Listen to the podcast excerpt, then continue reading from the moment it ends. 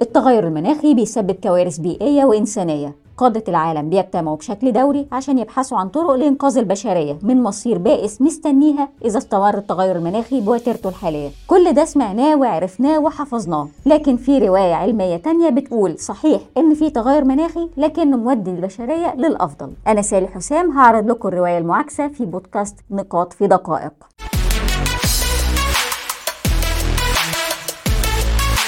في سردية عكس المألوف تماما. عالم الإحصاء والمدير السابق لمعهد التقييم البيئي للحكومة الدنماركية بيقول إن العالم بيتغير للأفضل مناخيا. بيورن لومبرج بنى تصوره على بيانات جمعها من عشرينات القرن الماضي ولحد النهاردة. نتيجة البيانات إن عدد الناس اللي بيموتوا من كوارث طبيعية سنويا بقى أقل يعني في العشر سنين اللي فاتوا كان عدد الوفيات 18 ألف تقريبا سنويا. لكن في 2020 و2021 العدد قل بحوالي التلت. بيقول كمان إن البشر اللي بيموتوا بسبب المناخ صحيح عددهم زاد في أمريكا مثلا لكن ده مش بسبب تغير المناخ لكن نتيجة عدم القدرة على تدفئة المنازل بالغاز اللي هو الوقود اللي بيتحارب من نشطاء البيئة. ده في الوقت اللي فيه مستوى البشرية بيتحسن اقتصاديا. فلو مشينا بالترند بتاع إن الجو أصلا بيبقى دافي فده معناه إن الناس هتقلل استخدام الغاز في التدفئة وتوفر فلوسه يعني يمكن كمان ثروتهم تزيد أصلا.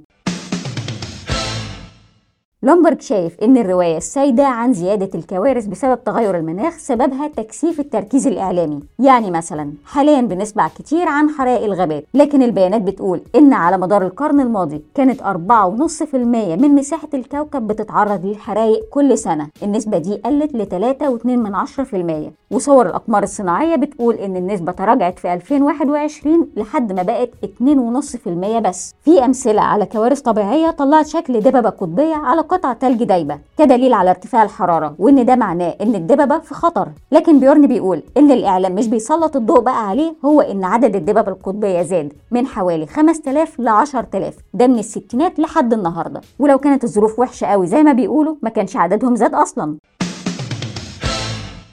بيورن ما كانش لوحده في الاتجاه ده لأن فوربس مثلا نشرت مقال لمايكل شيلنبرجر اللي كان واخد جائزه بطل مجلة التايم في الدفاع عن البيئة وقال فيه إن بقاله 20 سنة في المجال ده وأكد إن التغطية الإعلامية مبالغ فيها خصوصا لما يتكلموا عن الكوارث الطبيعية والحرائق الموسمية في كاليفورنيا كمثال.